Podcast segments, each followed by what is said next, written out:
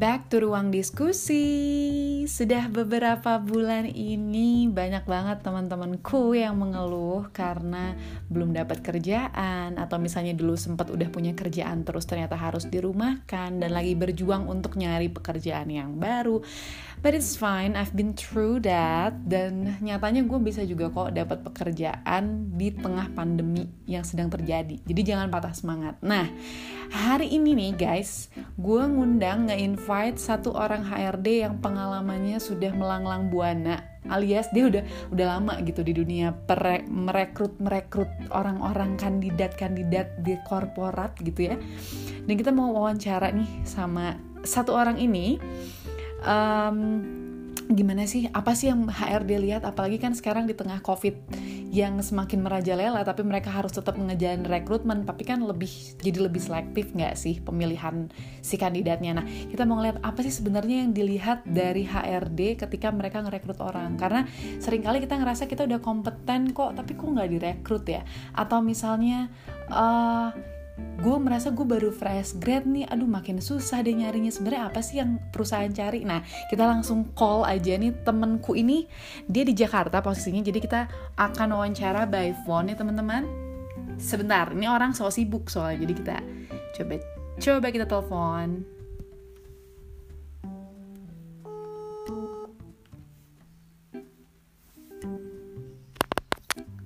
Halo. Halo, apa kabar? Gue boleh nyebutin nama gak sih? kenapa gak boleh nyebutin nama? Emang kenapa?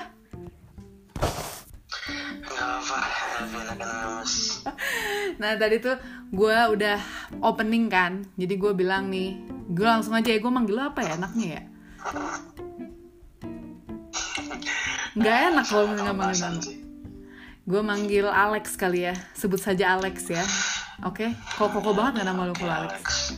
Ya oke. Okay. Oke. Jadi Alex gini nih, teman-teman gue ini kan banyak yang uh, bisa dibilang kalau COVID-19 ini kan lagi lagi merajalela gitu ya. Jadi yang tadinya peluang kerja yang mungkin masih dibilang banyak kan, sebenarnya masih banyak sih, cuman karena pandemi ini jadi makin berkurang lah lowongan. Terus pasti dari perusahaan juga akan lebih selektif gitu kan dalam memilih kandidat.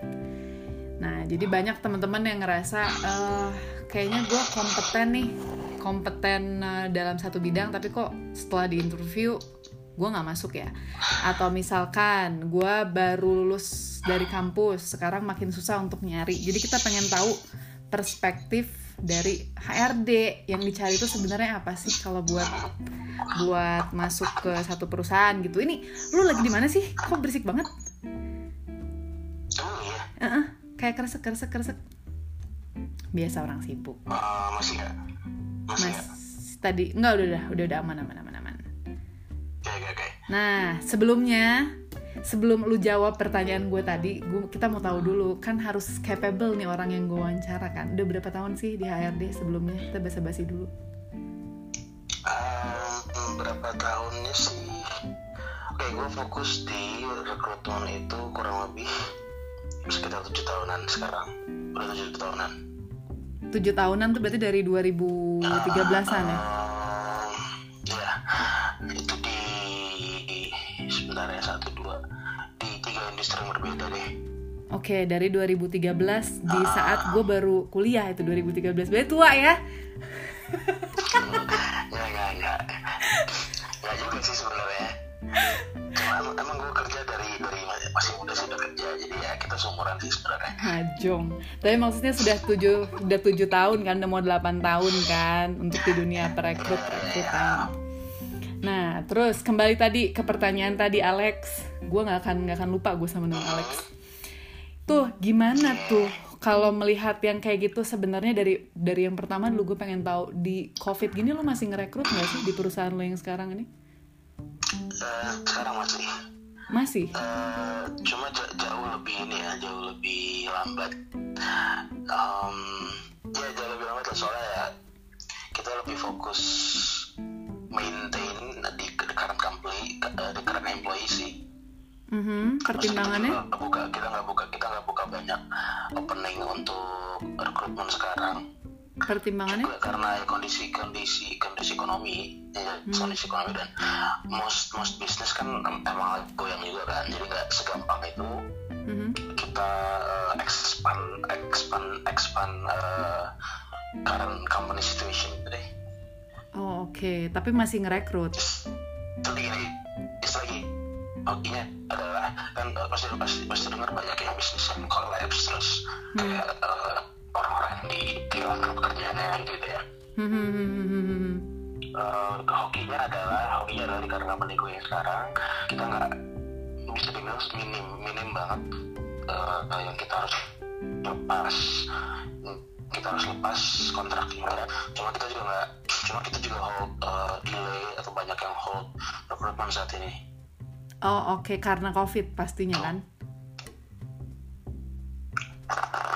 Halo? Iya covid covid ya. tapi maksud gue berarti masih ada chance kan sebetulnya? Covid.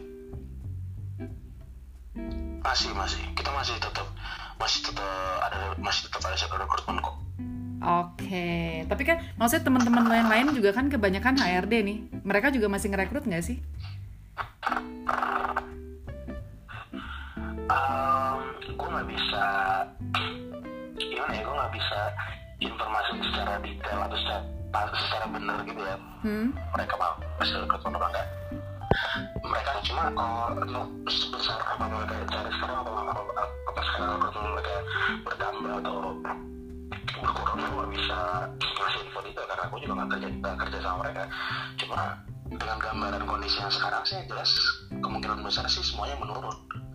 Hmm, tapi kan gue mau mau tahu nih kira-kira gimana nih masih ada kesempatan nggak buat teman-teman yang nyari kerja? Kan berarti walaupun sedikit tapi masih ada kan gitu loh. Masih masih. Masih. Dan istilahnya ya peluang kerja baru itu sebenarnya selalu terbuka untuk siapa aja yang mau usaha sih intinya Hmm. Tapi kan kalau dari company kalau company sendiri berarti lebih selektif aja kan karena lebih sedikit juga kan yang dicari. Bener kan kayak gitu ya? iya iya ha. Nah, kalau gitu kan berarti ada ada hal-hal yang yang mesti teman-teman tahu gitu di luar sana yang lagi nyari kerja. Kira-kira di tengah situasi kayak gini apa sih yang dilihat eh dari apa ya? Dari istilahnya wakil dari perusahaan kan yang ngerekrut kan pasti HRD dong. Dari mulai yang pertama pengen tahu kayak gue dulu tuh ngerek eh ngerekrut gue dulu eh, apply apa CV gitu di semuanya gue masukin tuh dari mulai job street, glints, jobs ID, ngimelin sampai gue apa tuh pakai amplop coklat gue kirimin ke perusahaannya dan susah banget untuk asli. Karena gue udah desperate. Nah maksudnya kan pasti pasti nggak cuma gue doang anjir yang ngelakuin kayak gitu. Karena saking desperate-nya. Sebenarnya ada nggak sih uh, bocoran? Kira-kira tuh sebenarnya media mana sih yang paling jitu untuk ngelamar tuh apa LinkedIn? Sekarang lagi hits banget kayak LinkedIn.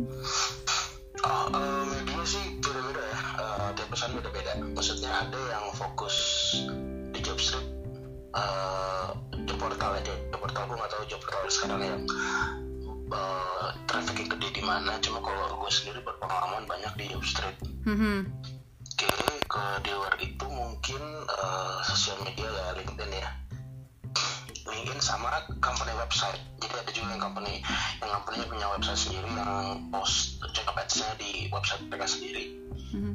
Eh, dan aplikasi bisa apply di situ. jadi bisa langsung ke emailnya kan Bukan email ya. Kalau ada kalau ada apa namanya website kalau company website-nya ya lo kalau apply di situ ya langsung masuk sistem mereka kan. HR tinggal tinggal screening atau sortir di situ. ah tapi gue pernah ke startup yang oren-oren sampai puluhan kali nggak masuk gue Nggak masuk apa ya? gue kagak dipanggil nyet itu dari website bangke Nggak, lo, lo kag- kagak dipanggil apa kagak apa apa civil kagak masuk?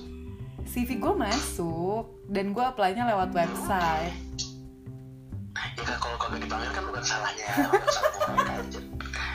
Ya, emang lo aja kagak cocok setan ya. Nggak, tapi kan maksud gue yang apply kan akan ribuan kan Alex, we Alex Iya, ya iya. Nah itu Iya. gimana cara lu, itu lu liatin satu-satu gitu di ribuan Uh, enggak sih. Nah, Cuman gue nggak akan uh, lihat in detail semuanya. Jadi kayak gue bisa ngeliat CV kayak dua detik oh baik, uh, ngeliat sedikit oh baik gitu gitu loh. jadi cuman dari jadi lu nggak baca dong? Iya, gue nggak perlu baca detail. Kurang ajar. Terus lu lihatnya dari mana? Oh, no, no, no, no. That's why CV itu penting banget sebenarnya. Hmm. Itu penting banget. Eh, banyak sih detail-detail yang apa namanya yang perlu perlu eh, difokusin ya di CV ya. Misalnya gini nih kayak gue, eh, gue gue lately eh, banyak berkutat di Jobstreet ya, Oke. portal Jobstreet. Di Jobstreet tuh kalau misalnya lo apply nih, misalnya kayak gue buka misalnya secretary position gitu kan. Terus Mhm. yang apply misalnya gue gue gue post hari ini, terus yang apply hari ini ada 300 Mhm. kayak 300 orang. Itu, itu semua akan gue bisin 300 Akan apa? Bisa semuanya akan gue lihat semua tiga ratus Nggak akan lu lihat 300 300 yang masuk. tiga ratus akan gue lihat Oh, akan dilihat. Oke, terus? jadi gue gue buka kan se- jadi sekretari terus kayak di bawahnya ada ada eh, kayak 20 aplikan gitu ya namanya doang gitu kalau gue klik namanya ntar CV-nya keluar kan Mhm. jadi gue bisa tampilkan CV-nya dia gitu lah ya udah misalnya eh, for example gue nyari sekretari ya, gue nyarinya cewek nih misalnya Hmm. Maksud- maksudnya maksudnya dalam arti adalah pengennya Cewek. Eh, dia punya usernya punya requirement tertentu kan dia punya dia pengen cewek misal terus dia pengen lulusan uh, sekretari education misalnya kayak dari Tarakanita gitu ya Oke. terus misalnya dia punya uh, range range umurnya berapa Oke. terus uh, ada budgetnya berapa ya kan misalnya budgetnya uh, mentok di 7 juta misalnya Mhm. terus um, apa lagi Ah, i- ah, anggap anggap itu ya jadi eh, ada gender ada ada usia ada education background sama eh, budget Mhm. sama pengalaman kerja misalnya pengalaman kerja sebagai sekretari eh, setahun atau dua tahun dua tahun Oke. Oke, jadi ke- kalau kalau gue, buka misalnya ada A sampai A B C D sampai apa sih ya sampai Mhm. ya B C D E lah ya. Gue buka lima orang profilnya, gue buka A.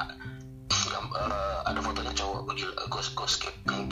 Karena butuhnya Eh, cewek. Ada cowok gue skip.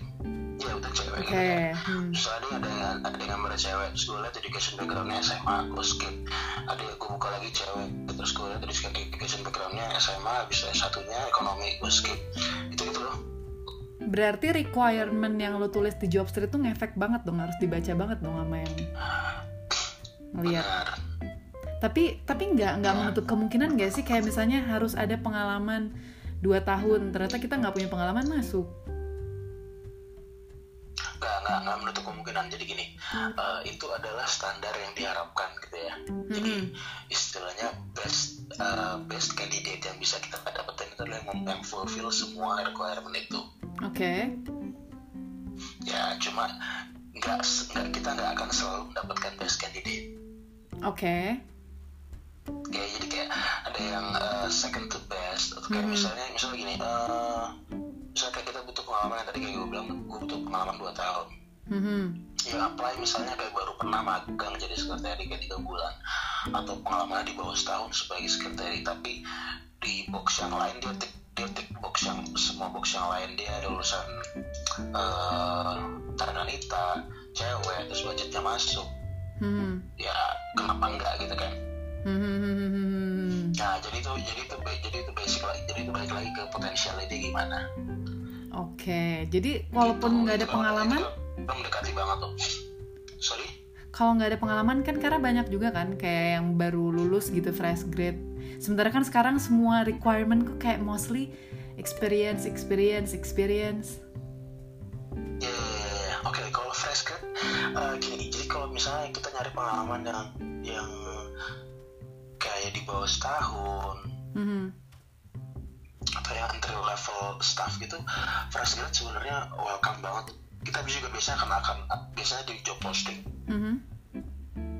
atau kontak terus juga sih fresh grad kayak eh, welcome to apply gitu ya Mhm. kalau dari kalau fresh grad yang kita lihat adalah CV-nya jelas yang pertama kita CV-nya kayak gimana? Apa dari foto, dari apa nih?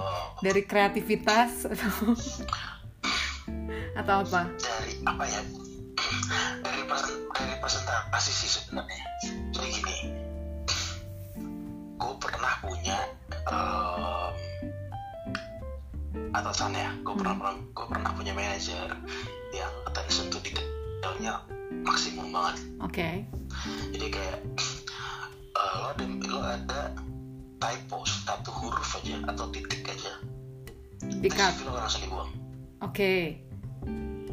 literally misalnya kayak lo nulis nama nih Hah. misalnya nulis nama um, uh, mm, Bianca misalnya. Johnny Depp misalnya nulis Johnny Depp terus Johnny Depp. uh, J dan D nya Hah? J dan D nya huruf kecil dibuang Oke, se ekstrim itu. itu typo itu se ekstrim itu typonya kayak gitu terus uh, misalnya foto foto lu misalnya selfie atau foto lagi kondangan pakai kebaya Enggak, gitu bentar dulu, anjir.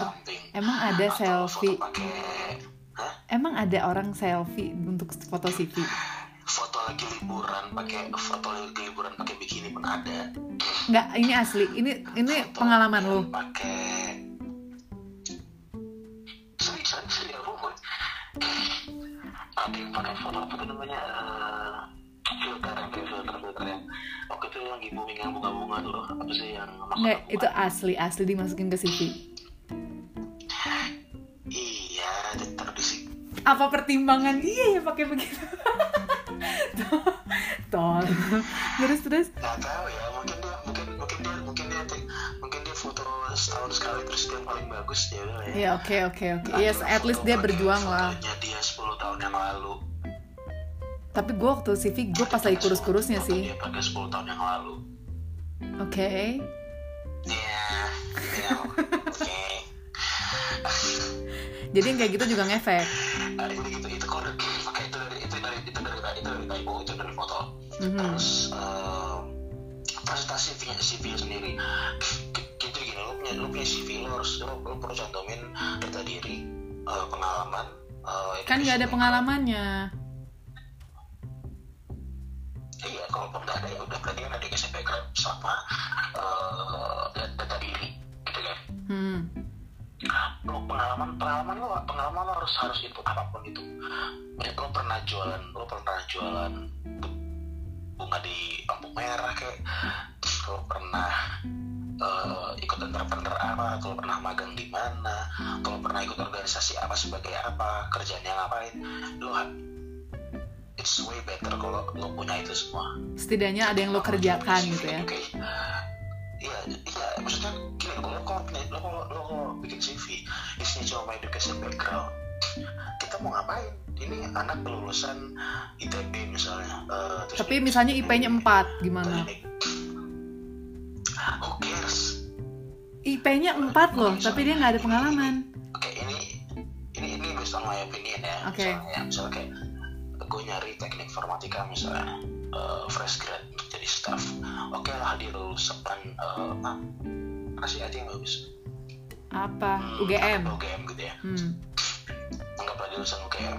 IPK-nya ti, I- I- masa IPK 4 sih ya udah IPK 4. Tapi CV-nya begitu doang. Eh, misalnya namanya Bambang, eh, terus data dirinya apa itu serah. Terus lulusan UGM IPK-nya 4.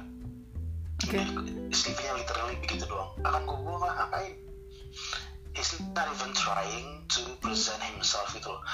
Dia kayak bisa bilang kalau eh, pencapaiannya dia itu dia udah dapat IPK 4 terus misalnya dia pernah ikut eh, lomba apa gitu-gitu. Loh jadi kayak lo harus usaha. Karena yang apply itu gak lo doang. Yang apply itu ribuan. Lo gimana pun caranya lo bisa menonjolkan diri lo sendiri. Dah, secara benar sih. profesional ya. Benar lagi sih. secara profesional. Nggak secara you know like uh, social media kind gitu yang kayak lo bisa post selfie dan sebagainya enggak atau lo uh, bahasanya yang uh, bahasa sehari-hari gitu ya kayak Hmm, hmm, hmm. ya gitulah. Nah, jadi mm, make your CV as presentable as you can. Sebenarnya gitu sih warna ya kalau lo bisa kalau lo jago uh, pakai warna ya lo bikin CV lo berwarna berwarna juga oke. Hmm, yang jelas yang pertama itu yang tadi gue bilang jadi typo itu penting oke. Eh, mungkin nggak sepenting mungkin gue juga nggak strict manajer gue dulu ya cuma kayak lo, lo nulis nama lo salah aja kayak eh Hal kecil aja lo salah ya nggak sih? nama lo ini nama lo Hahaha. terus misalnya dia lu misalnya dia lu ada juga yang banyak juga yang eh misalnya mereka apply di job street tuh kan terus mereka nggak mencantumin nomor telepon atau atau email. Ya terus gimana Entah kita ngubungin atau nih? gimana. Ya right. Kayak gue pernah dapatkan itu oh terus gue pengalaman oke education oke. Terus pas gue mau input dan gue mau coba hubungin eh nomor telepon Mana ya nggak saya? emailnya nggak ada gitu kan. Iya iya iya iya iya iya. ada juga yang ada juga yang kayak cuma nyam- cuma nyantumin email misalnya. Terus ya aku nggak tahu tuh emailnya entah aktif atau nggak aktif atau itu email jarang dibuka. Hmm. dan gak ada teleponnya jadi gue nggak bisa jadi gue nggak bisa telepon kan Hmm, jadi gue hmm. email gue tunggu dia nggak balas akhirnya udah gue gue coret kan dia Mhm. balas kayak sebulan kemudian gue udah males dong. Iya iya benar sih. kayak kayak timeline udah beda udah jauh gitu. Jadi kayak lu kita kita kita bantu kita, kita juga kita usaha mencari kan dan lo juga usaha untuk eh, cari pekerjaan kan. Jadi lu usaha semaksimal mungkin lah Jadi sebenarnya penting Tuh. pinter itu penting, tapi lu juga harus kalau untuk kerja berarti harus usaha lah ya. Apalagi sekarang kan makin selektif kan. Jadi kayak makin detail, terus apa yang bisa lo cantumin lo cantumin, apa yang bisa lo kerjain lo kerjain gitu gak sih? iya ya Hmm, terus kalau Eh, detail eh, detail detail semua di CV lo tuh harus eh, lengkap semua jangan jangan ada yang miss dari tadi di dan tadi eh, eh, experience dan education itu aja kok sebenarnya simple hmm, tapi kalau ada kalau dari sisi gelapnya nih, gue mau ngebahas tentang sisi gelap. Kalau misalnya kayak gitu, misalnya udah oke nih semua nih, pengalamannya udah oke, Eh, CV-nya udah oke, terus apa namanya eh, detail, udah detail, udah bagus penampilannya udah oke. Tapi ternyata ada nggak sih yang kayak, tapi kita nyarinya yang Muslim. Jadi kalau dia Kristen, gue nggak ambil. Atau misalnya tapi gue pengennya yang sorry ya Chinese. Kalau nggak Chinese gue nggak ambil. Ada nggak sih kayak gitu? Pengalaman kayak gitu. Banyak banyak banyak dan itu pas di CV langsung lu tolak dari situ doang? Dari ras atau misalnya dari agama atau apa? Eh, tergantung. Mhm. Hmm, tergantung ya. Jadi gini Eh, ini based on experience ya. Jadi ada gue pernah dapat user ya yang literally maunya maunya maunya Chinese. Ya kan gue Hmm. gue sih pasti akan nanya dulu lo kenapa mau Chinese? Gitu terus misalnya dia jadi misalnya dia eh, alasan adalah nanti kandidat ini akan bekerja sama dengan user dengan klien dan ini kliennya yang minta kalau ini harus Chinese. Oke. Oh oke ini oke jadi kayak oh, ini permintaan klien oh ya udahlah ya gitu kan. Jadi eh, ya gue akan sortir literally dari berarti ada yang kayak gitu ya? Eh, ra- ras ini akan jadi gue jadi poin kedua. Poin poin, poin pertama itu pengalaman. Tet- tetap apa namanya requirement requirement. Requirementnya kayak pengalaman pendidikan dan sebagainya ya. Mhm. poin ras ini tapi akan gue langsung ditaruh kedua. Jadi gue tetap akan ambil yang qualified Mhm. tapi akan gua hold dulu. Akan gua hold akan gua hold sampai gua ada eh, sampai gua akan gua hold lah istilahnya Tapi Bukan- pertimbangan itu ada, kan? gue forward pertimbangan itu ada. Anjir eh, sedih banget. agama juga agama juga gitu sama. Termasuk ini nggak sih? Termasuk lulusan nggak sih? Kayak kalau misalnya lu gue nggak mau nyebutin nama kampus ya di sini. Cuma maksudnya kalau lu agak-agak anu gitu misalkan kampusnya itu akan beda gitu penilaiannya akan udahlah nggak usah lah kita ambil yang top 10 kampus aja atau misalnya apa ada nggak sih kayak gitu? Hmm, ini ini lo ngomongin apa ini? Untuk diterima kerja Eh, untuk selek kampus. Hmm, kan kalau misalnya ya kredibilitas sih jatuhnya. Akreditasi kan pasti kampus juga ada akreditasi. Kampus ke- kamp top. Kampus sih sebenarnya ada juga. Ada kan? Masalahnya kan Ada gini soalnya gue pernah diceritain tuh kayak bener-bener dipisah gitu. Jadi uh, berkas CV yang anak misalnya nih ya UI itu akan beda dengan si kampus si X gitu loh. Karena dia UI jadi dia udah masuk duluan kayak gitu. Kan kurang ajar nyet. Gue nggak masuk kan ke UI ya? Sedih banget. sebenarnya gue gak kayak gitu sih. Gue lebih ke gue pernah dulu ke jadi dulu ada dua company gede yang industrinya sama mm -hmm. di satu kota dan itu mereka bersaing Uh, mereka mereka kompetitor ya. Itu yang satu cuma mau ngambil lulusan dari satu kampus. Yang satu juga cuma mau ngambil lulusan dari satu kampus. Jadi dari kampus mana pun mau nilainya lulus bagus apa pun akan tembus kecuali ada orang dalam. Serius? Serius. Yang satu kalau nggak salah itu cuma mau ngambil uh, kalau nggak salah ya, ya dan itu cuma mau ngambil lulusan UGM UGM apa tuh? perusahaan apa tuh? ya, nggak guru gue gak akan sebutin sih. Yang satu lagi itu akan ngambil lulusan UI dan ITB ya unpad di mana pak? Saya tempatnya pak. Uh, mohon maaf ya. Eh kurang ajar. Nah, tapi itu tapi itu tapi itu kayak kecil sih kayak kecil. Maksudnya gini kalau kalau kalau bilang kampus teratas itu akan apa namanya lebih oke. okay. dipandang ya secara pasti ya itu pasti ya mm-hmm. itu sorry itu saya itu pasti itu pasti. Cuma itu bukan hal penting sih. Gimana balik lagi gimana Gak orangnya kan? banget. balik lagi ya. Oke, okay, terus misalkan nih udah nih lo lo lo nyaring semua terus interview misalkan dari yang setelah lo saring itu kan dari mulai pengalamannya dan lain-lain. Kayak misalnya dari fotonya terus juga tadi kalau misalnya ada yang Cina atau bukan Cina Muslim atau bukan Muslim yang gitu kan kan betul sudah menyaring semua sampai akhirnya lu panggil dong untuk ketemu sama lu gitu kan. Nah terus di interview tuh ngapain lagi? Kan lu udah tahu oh dia pengalamannya ini oh mukanya kayak gini kan lu udah tahu apa yang mau lu lihat dari interview. Soalnya kan kayak gue kemarin gue jauh-jauh dari Bandung ke Jakarta bolak-balik nyet kayak sebulan seminggu tuh bisa empat kali.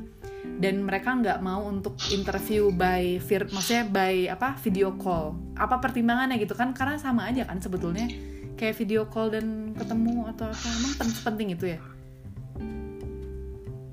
Aduh itu bantu itu balik ke user sih cuy. Ada juga yang ya yang yang normal sih ya santai aja ya. Maksudnya video call atau by by phone biasa juga sebenarnya bisa aja. Cuma ada juga yang butuh dapat chemistry gitu loh.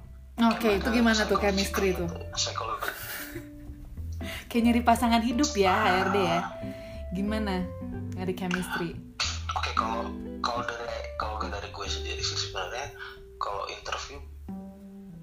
first impression penting ya. First jadi apa yang harus kita lakuin penting. untuk membuat first impression yang bagus? Enggak, maksudnya first impression yang bagus menurut lo tuh gimana?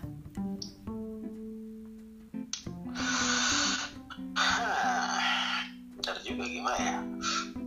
Oke okay, kalau gue sendiri ya kalau gue sendiri sebenarnya kalau uh, first impression oke tuh ya, ya lo datang nggak telat Oke, okay, oke okay, betul. Ha, ha. Paling gampang sih waktu. Mm-hmm. Terus uh, lo datang dengan uh, attire yang profesional ya, yang acceptable. Mm-hmm. Terus uh, ya udah ketika ngobrol juga suara lo suara lo uh, suara lo apa sih kayak tegas gitu kan mm-hmm. kayak lo ngobrol juga kayak lo bisa diajak diskusi gitu loh okay. itu sebenarnya kan kayak kita ngobrol kan sebenarnya kan kita ngobrol mm-hmm. uh, eh, gue pengen tahu apa yang apa yang lo punya apa yang akan lo berikan ke company gue gitu kan okay. mm-hmm.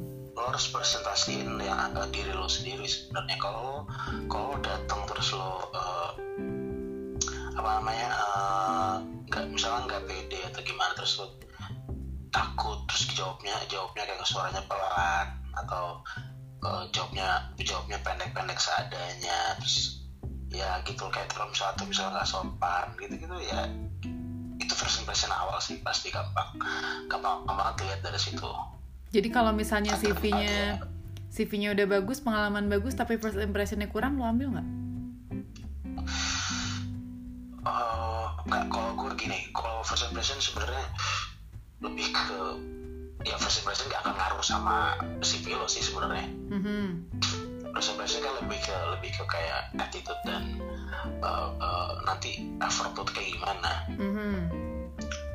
nggak nggak berhubungan sama pengalaman kerja lo atau apanya pengalaman kerja dan sebagainya kan akan tetap akan akan tetap gue tanyain lagi ketika interview sessionnya Iya, tapi Gitu maksud kan. gue kalau misalnya bisa- pengalamannya udah oke, terus ternyata lo ngerasa first impressionnya kurang nih, eh dia telat lama banget misalkan, atau misalnya dia kayak nggak sopan deh. kalau telat sih kalau telat sih udah udah minus minusnya gede telat Oke, terus kalau misalnya kayaknya ini orang, misalnya gue nyari kandidat yang hmm, apa ya, yang nggak seidealis ini, terus lu ngeliat ternyata pas lu ngobrol, ini orang idealis banget misalkan, lu ambil nggak sih yang kayak gitu-gitu? Tapi lu tahu dia pinter gitu, dia punya pengalaman yang oke, tapi ketika first impressionnya kayaknya kurang, terus yang gue cari ini kayaknya kurang dari segi entah itu karakter atau apa, tetap lu ambil nggak?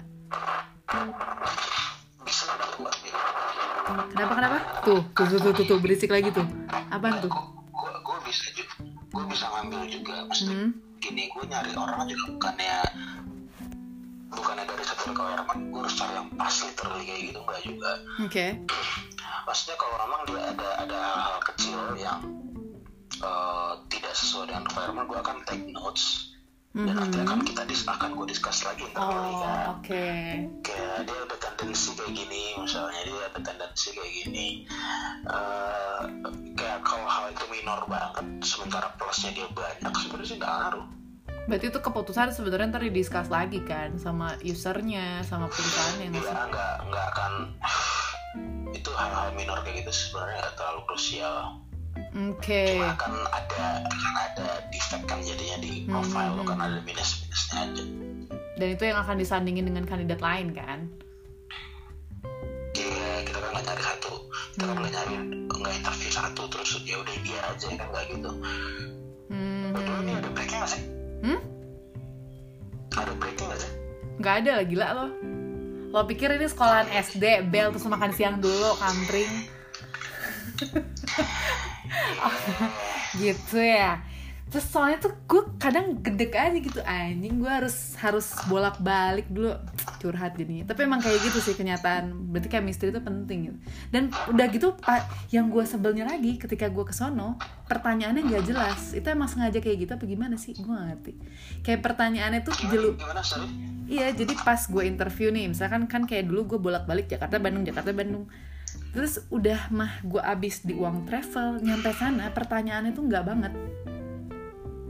Itu memang memang pertanyaan yang kalian siapkan atau gimana ya? Kayak misalkan gue gua berharapnya gue akan ditanya, oke pengalaman lu apa, lu bisa ngapain kayak gitu. Tapi pas gue ke sana tuh literally ngobrol aja dan mostly kayak gitu.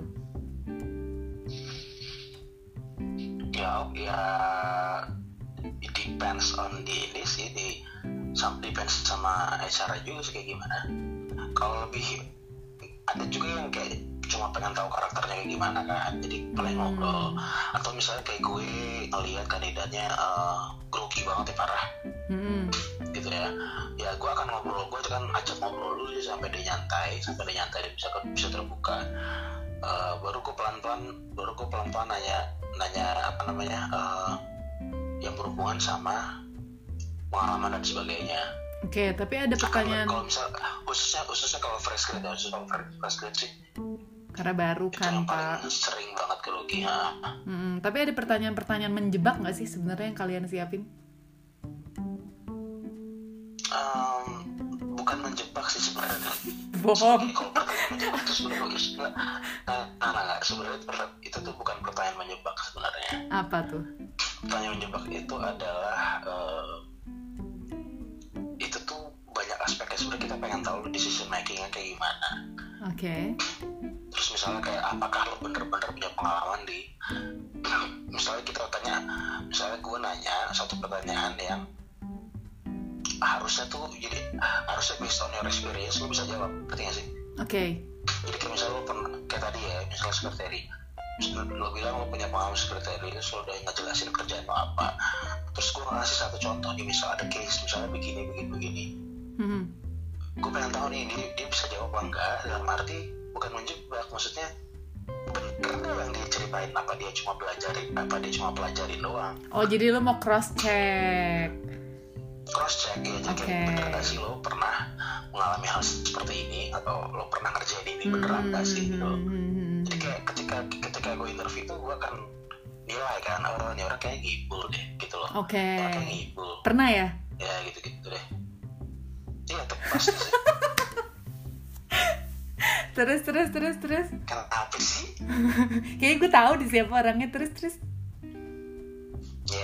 Ya pokoknya kurang lebih gitu terus kayak em, ya intinya eh, mostly kan people akan akan oversell their, their self ya oversell their self Hmm. kalau mereka cari kerjaan Oke. ya Betul sih, betul. kayak, eh, dia dia dia ngomongnya apa pernah misalnya kayak pernah eh, jadi employee of the year atau misalnya pernah juara apa juara ini juara itu gitu kan kayak Tapi emang ya, lo- kita ya, Lo cross check emang sampai nelfon misalnya nih dia punya pengalaman nih. Terus gue pernah jadi ini pak misalkan tuh sampai lu cross check ke HRD perusahaan sebelumnya kan enggak kan walaupun kadang tuh di di si apa di si biodata yang awal tuh kan kita suruh disuruh ngisi kan kayak dulu supervisor lu nomornya berapa itu beneran dihubungin gak sih Iya iya iya. Eh, tergantung. Kadang-kadang kita nggak, ya ha- hampir selalu sih sebenarnya. Jadi iya. Dihubungin Kalau kalau kalau memang perlu kami kan kita akan hubungi. oh oke anjir niat banget ya Ya pasti gitu dong. Maksudnya kita kan perlu track recordnya juga sebenarnya gimana. Soalnya gini kita banyak ada kejadian juga kayak gini nih. Jadi dia pernah jadi gue pernah nemu satu kandidat. Dia dia bilang dia pernah kerja di satu eh, perusahaan lah ya. Mhm. Yang industrinya sama sama perusahaan gue yang sekarang. oke gitu kan. Jadi dia bilang dia pernah kerja di situ berapa bulan gitu. Terus uh, uh, pas kita ngeliat oh ini kita tahu oh, ini company-nya kan. Mhm. ya udah kita kita cross check lo uh, karya lo pernah ini nggak uh, kenal karyawan yang ini nggak? Gue pengen ngecek track recordnya gimana. Hmm. Terus ditanya dia kerja kapan? Dia kerja dia kerja tahun ini bulan segini sampai bulan segini. Terus ternyata di sana dicek nggak ada. Oke dia nggak pernah kerja di situ gitu loh. Jadi kayak Mhm. Ah, oke fail gitu. Terus kayak ada juga yang pernah gue nemu kasus yang em, apa namanya bohong education levelnya bohong. Oke. Jadi dia bilang dia lulusan S1 dia lulusan S1 dari satu company eh, satu perusahaan ya satu kampus gitu ya. Padahal lulusan SD nggak ternyata di DO asli. Asli itu. Iya. Anjir. Asli Enggak, tapi lu kenapa bisa tahu oh ini nih kayaknya bau-baunya nih anak-anak ini DO nih gitu. Lu tahu dari mana kan dia nulisnya S1. dari interview jadi kayak lo Oh. gini, gini, gini. Lo, lo ketika datang interview kandidat yang yang emang eh, niat gitu ya. Jadi kayak dia akan mereka, mereka akan mempersiapkan semua dokumen yang mereka punya gitu ya. Mhm, betul. terlepas dari gua per- terlepas dari company butuh atau enggak atau diambil atau enggak lo akan mempersiapkan Kayak ijazah gitu ya. ya, ya kayak lo datang akan bawa ijazah lo akan datang bawa eh, apa namanya tuh kayak surat dari company yang sebelumnya menyatakan kalau lo pernah kerja di sana berkelakuan baik dan sebagainya. Mhm, ya kan? Mhm, jadi waktu itu satu kandidat satu kandidat ini dia datang nggak bawa apa mhm. Eh, dia nggak dia, dia ngomong soalnya soalnya tuh S1 nya dia tuh bagus gitu deh Mhm. nilainya bagus kampusnya bagus tapi dia nggak bawa ijazahnya nih ya kan terus uh, gue mau lihat kan terus gue minta dia bilang oh ya nanti saya kirim gitu. Terus gue di, di waktu yang ditentukan dia nggak ngirim. Gue tanya lagi dia bilang oh ya pak maaf saya lagi sibuk dikir eh, di- eh, nanti nanti dikirim gitu kan. Nggak dikirim kirim sama dia kan. Akhirnya ya udah gue, gue cari cari cari tahu lah. Oke. dia bener pernah kuliah di situ cuma di DO Oh, terus dari situ berarti lu nggak nggak follow up lagi kan? Eh, enggak akhirnya dia nelfon gue sih ngaku pas sebenarnya saya nggak lulus Eh lu parah lu, siapa tahu gara-gara apa gitu kan kita nggak tahu dia DO-nya karena apa parah banget sih. Gue sebagai manusia iya gue bisa sympathize cuma kalau untuk dia bohong Iya untuk cuma masuk company gue gue nggak peduli dong gitu Padahal ngomong aja kan.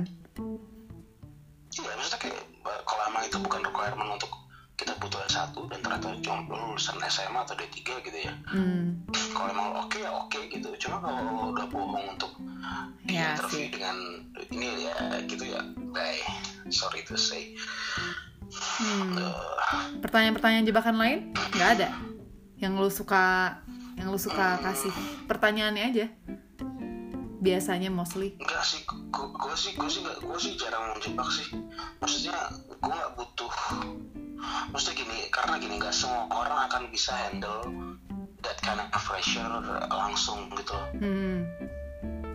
ngerti nggak? Jadi ya gue nggak lebih ke bukan menjebak sih lebih ke cross check aja. Ini yang dia present tentang tentang themselves ini valid atau enggak gitu doang. Hmm, hmm, hmm, hmm. terus setelah itu Ya, misalnya hmm? terus apa Iya, kalau maksud gue, kalau berarti sebenarnya kalau pertanyaan menjebak nggak menjebak sih itu tergantung ininya masing-masing nggak sih? Mas, eh, iya tergantung tergantung eh, orangnya juga sebenarnya berarti sebenarnya kalian tuh di tengah-tengah ya, ya Allah sedih banget ya. Gue pikir-pikir kan berarti lu tuh sebenarnya kerjaan lu tuh hanya menghubungkan user, kemauan user, kemauan mereka mau ngerekrut orang yang kayak apa ya nggak sih? Kadang kan orang nyalahin kayak anjing kok gue nggak dipanggil panggil nih, pasti HRD yang dibangsatin. Tapi kadang emang bangsat. ya Tapi ya ngaco Iya sih, kadang kayak gitu, kadang, kadang gue bilang, ngerti gue ngerti ya kan. Tapi sebenarnya sebenarnya tugas kalian tuh hanya menghubungkan gitu apa yang lo mau, karena kita nggak bisa apa, nggak bisa ambil semua perspektif kan, bagus apa enggak kan. Kalau pengalaman kan udah jelas kan. Tapi kalau untuk chemistry, terus kadang kan mungkin ada perusahaan yang ada yang individualis gitu staffnya. Ngerti gak sih lo? Jadi yang memang mereka butuhnya orang-orang yang lu bisa dilepas sendiri gitu. Ada yang pengennya ngetim banget gitu kan. Akan beda-beda karakter juga kan iya requirement requirement eh, orang tuh berbeda-beda. Requirement user apalagi aneh-aneh. Maksudnya mereka punya selalu punya eh, requirement tersendiri gitu loh. And it- it- dan itu bisa diceknya di psikotes kan? Salah satunya toolsnya. Untuk ngecek ke, maksudnya untuk ngecek ini orangnya bener yang gue mau nggak sih secara kepribadian gitu? Eh, salah satu psikotes Salah psikotes. langsung ya psikotes juga salah satu tools yang digunakan sih. Tapi nggak mesti. Ya nggak mesti karena psikotes kan li- literally cuma ngecek um, psychologically kan. Kayak misalnya lebih cocok ke mana lebih cocok ke mana gitu kan sebenarnya. Soalnya gue punya pengalaman banyak banget kayak gitu tuh. Jadi udah udah lolos sampai tes user ternyata di psikotesnya gagal. Nggak diambil jadinya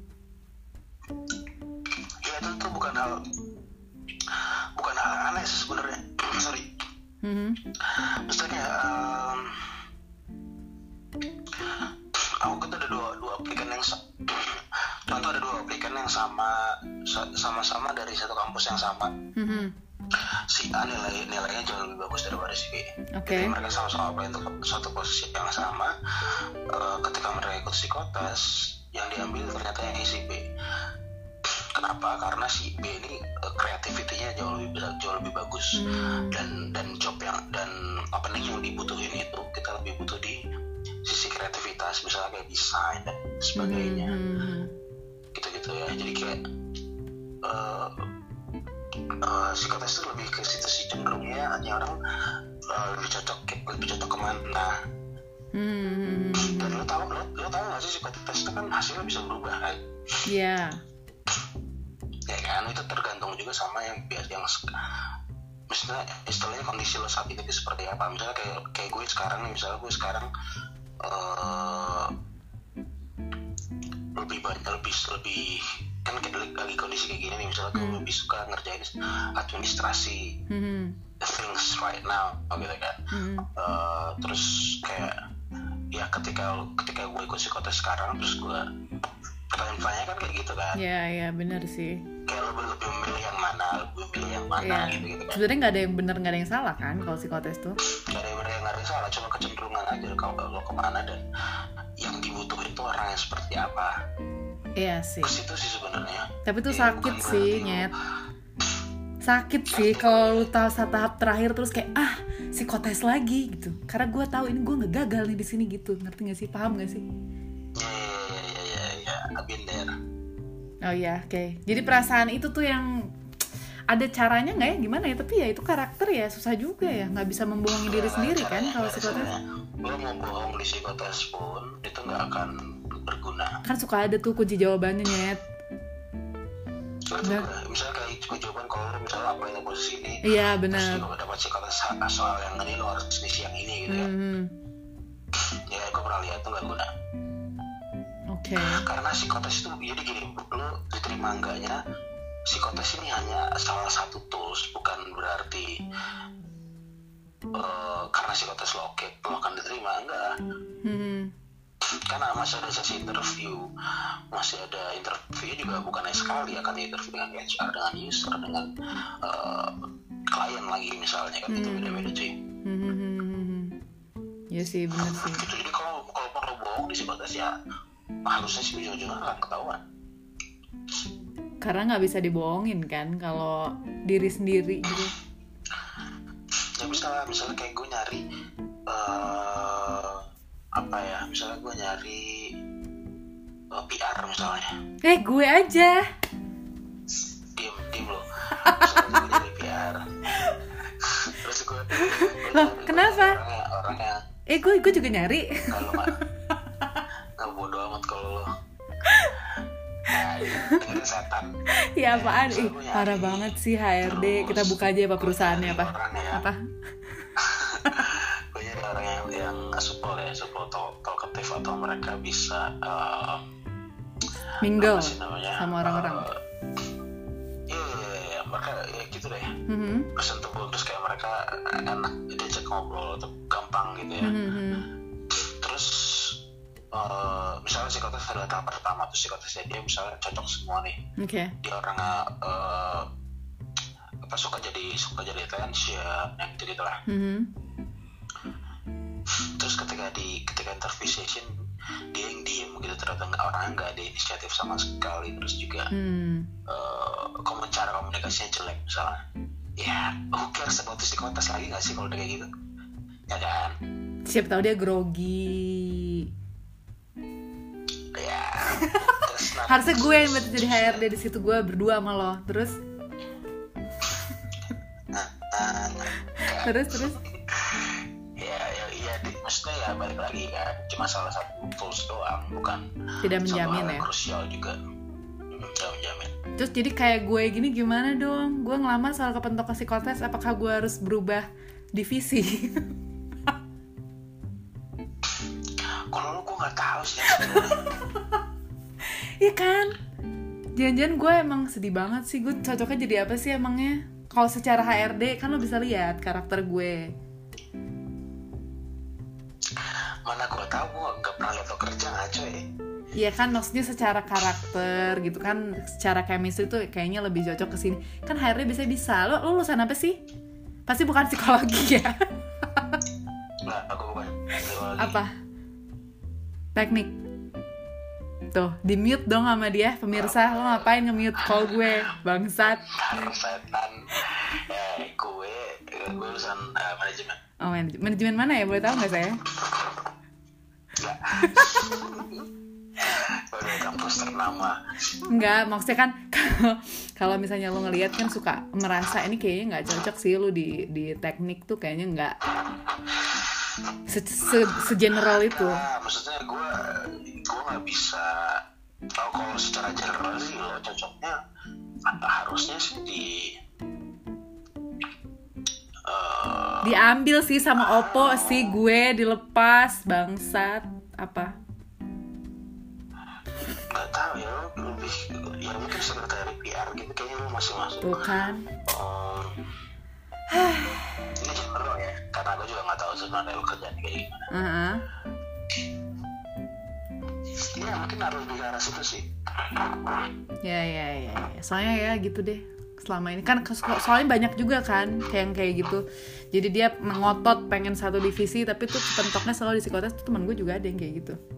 Jadi kita galau. cuma kan lo cuma lo agak lo kan agak idealis kan lo cuma mau situ doang kan Enggak juga sih as long as itu satu satu field gitu satu apa satu wilayah.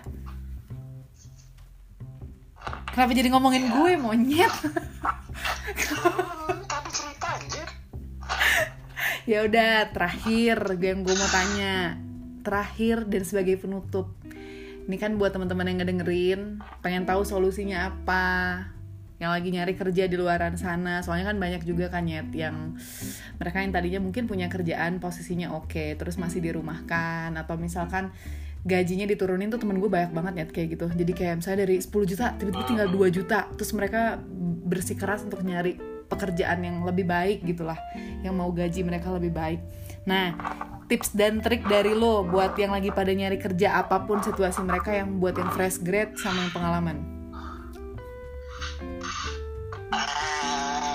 Ah, kalau HRD-nya aja nggak bisa gimana sebenarnya tadi gue sebutin sebelum kita masuk gimana ya?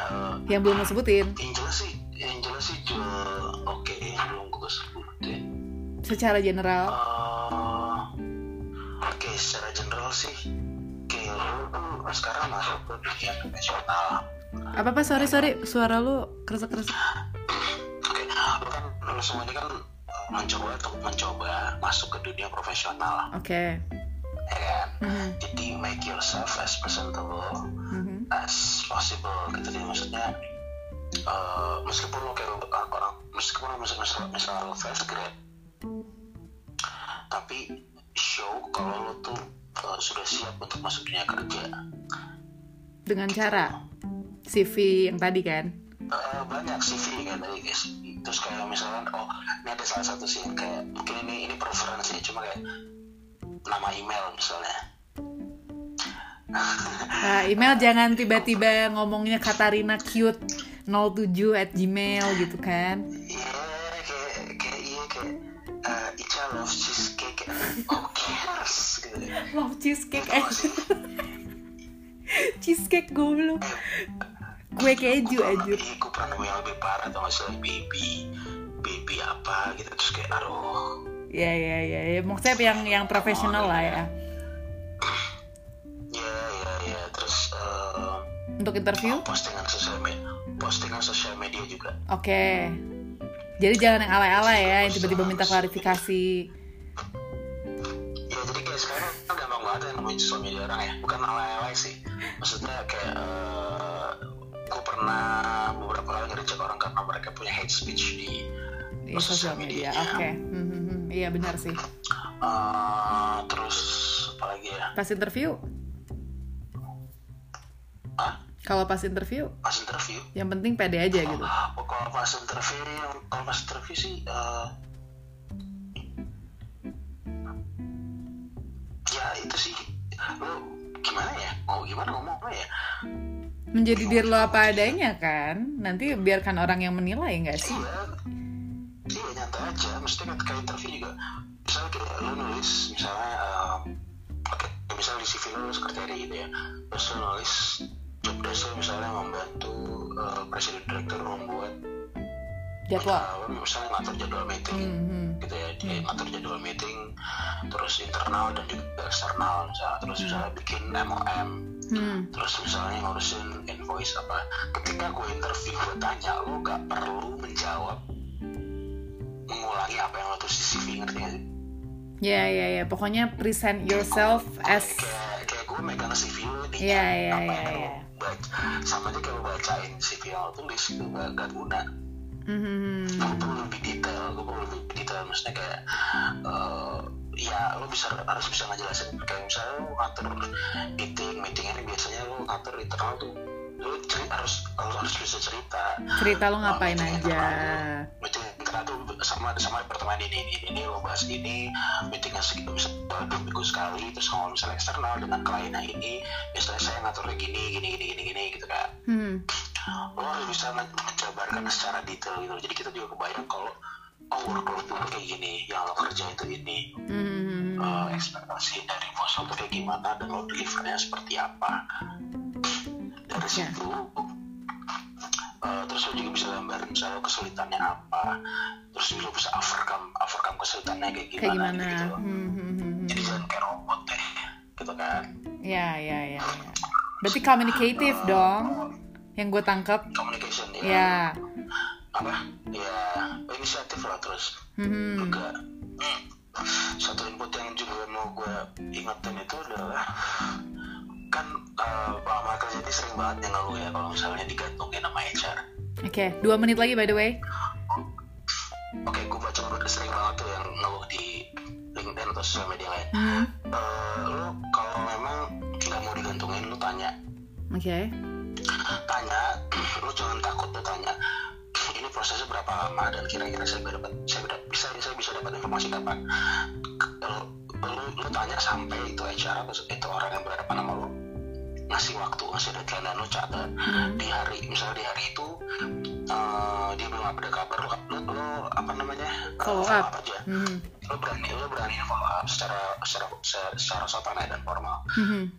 biar lu nggak ngerasa digantungin gitu deh itu udah saran gue. Jadi kalau sama HR-nya oke oke dan eh, ya kalau mau HR-nya juga oke dan tutupnya oke ya harusnya sih mereka juga nggak akan nggak gantungin lo sih gitu. Oke, berarti yang gue tangkap sih kalau sebenarnya semuanya penting ya dari mulai CV, terus interview, psikotes bisa ada bisa enggak kan, lihatnya dari interview kan. ya Cuman make yourself as professional as uh, apa ya maksudnya se seprofesional mungkin, sepresentable mungkin, apalagi CV itu kan dari ribuan orang, gimana caranya lu paling menarik itu kan sekreatif mungkin ya sih. Terus looks like you you are professional dari mulai apa foto di attention to detailnya juga jalan terus kalau misalnya nggak ada pengalaman lu ceritain apa yang lo lakuin selama ini yang gue tangkap sih gitu ya nggak sih? Bener dong gue. Dan kalau interview mungkin lebih ke yang gue tangkap tuh apa ya mungkin lebih ke percaya diri kali ya dan jangan ngebohongin aja. Jadi lu harusnya pede sih lu, lu udah sampai tahap dari ribuan orang lu dipilih untuk di invite ngobrol sama HRD kan berarti ada something yang mereka lihat. Jadi jangan pernah membohongi aja sih ya nggak sih? Jadi kayak ya udah percaya diri aja. Oh ya udah gue oke. Tapi jangan songong juga. Tapi ya ya itu sih bener sih profesional gitu aja sih sebetulnya. Tapi saya nggak dipanggil juga. Tapi nggak masalah. Kalau saya sih ya. Tapi sekian dulu kalau begitu. Terima kasih loh atas waktunya bapak. Si anjing malah ketawa. Terima kasih atas waktunya. Se- selamat kembali. Saya bapak ini kan mau kembali pacaran. Ya dan ya udah itu aja. Terima kasih loh. Bye. Jadi kayak gitu teman-teman. Kalau misalnya kalian eh, sekarang sedang apa ya ber ber apa ya namanya ber berjuang untuk nyari pekerjaan selalu ada eh, lowongan sih tadi kan walaupun memang semakin sedikit karena kan ekonomi juga semakin menurun. Tapi tidak tidak menutup kemungkinan kalau lo juga tetap maksudnya kalau HRD juga tetap open recruitment. Tapi cara-caranya akan lebih selektif. Nah salah satunya adalah yang kayak begitu tadi harus diperhatiin dari mulai gimana caranya lo mempresent diri lo sepresentable mungkin semenarik mungkin seprofesional mungkin karena menarik juga harus ngelihat sisi profesional. Dan jaga attitude attitude bisa dilihat dari mana pun dari cara lo ngobrol like, dari ja- dari cara lo mempresent diri lo di CV di interview atau even di social media. Jadi lo harus kontrol semuanya supaya ya mereka tertarik sama lo. Karena kalau nggak dari diri lo sendiri memperbaiki diri lo sendiri gimana orang mau tertarik? Ya nggak sih? Tapi apa pun itu lo harus memperbaiki diri lo as you are. Karena ketika lo masuk ke suatu perusahaan lo akan digodok dengan budaya yang mereka cari. Jadi user yang pengen cari tuh orang yang kayak apa sih? Kalau lu bukan orang yang bisa dibilang ah gue tuh gue tuh nggak hahihi orangnya tapi gue men- eh, nulis di CV gue gue adalah orang yang fun. Tapi you are not jangan ngebohongin diri lu sendiri karena lu akan tersiksa. Walaupun lu direkrut lu akan tersiksa karena sebenarnya mereka mencari yang orang yang fun gitu. Jadi ya udah lu memperbaiki diri menjadi profesional tapi menjadi diri lu sendiri. Sekian podcast dari gue cukup panjang hari ini tapi semoga bermanfaat. Semoga cepet dapat kerjaan yang masih mau nyari kerjaan juga semoga cepet dapat kerjaan baru. So we'll see you again in another podcast story. Bye bye